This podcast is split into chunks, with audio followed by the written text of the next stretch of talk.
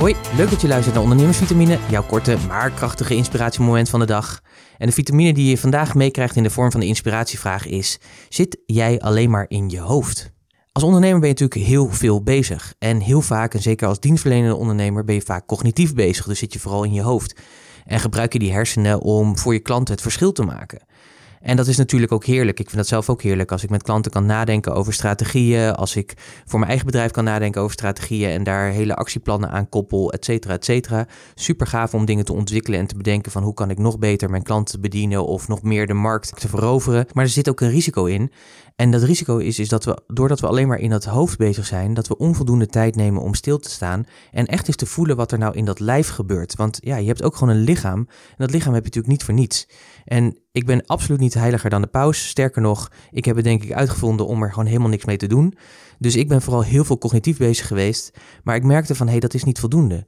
Zeker als je ouder wordt. Ik ben nu 38 en ja, hoop nog gewoon jarenlang te kunnen genieten van het ondernemerschap. Dus ik heb besloten om dit jaar actie erop te ondernemen. En dat betekent dus dat ik ben gaan sporten weer. Ik ben het weer gaan oppakken. En niet zomaar, nee, ik ben het onder begeleiding gaan doen. Dus één keer in de week word ik een uur afgemat door een personal trainer. Daarnaast volg ik vaak nog een kleine proefles of een kleine proefles, een kleine les, in dit geval boksen. En Daarnaast doe ik ook nog allerlei andere activiteiten als lopen of af en toe eens golfen, nou, noem maar op. Maar in ieder geval weer in actie komen. En wat ik merk, zeg maar, dat het zo heerlijk verfrissend is als je dat lichaam ook aanspreekt.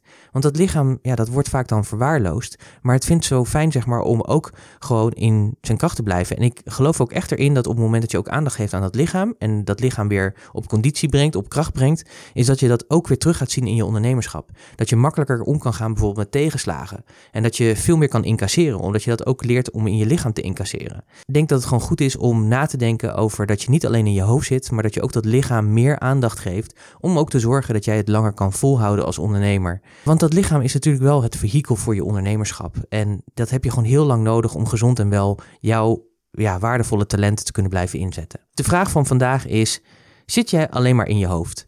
Ik zou zeggen, denk er eens over na. En als dat zo is, bedenk eens welke actie kan jij vandaag zetten om daar een verschil in te maken. Ik wens je daar heel veel plezier bij en spreek je graag weer morgen. Tot morgen. Hoi.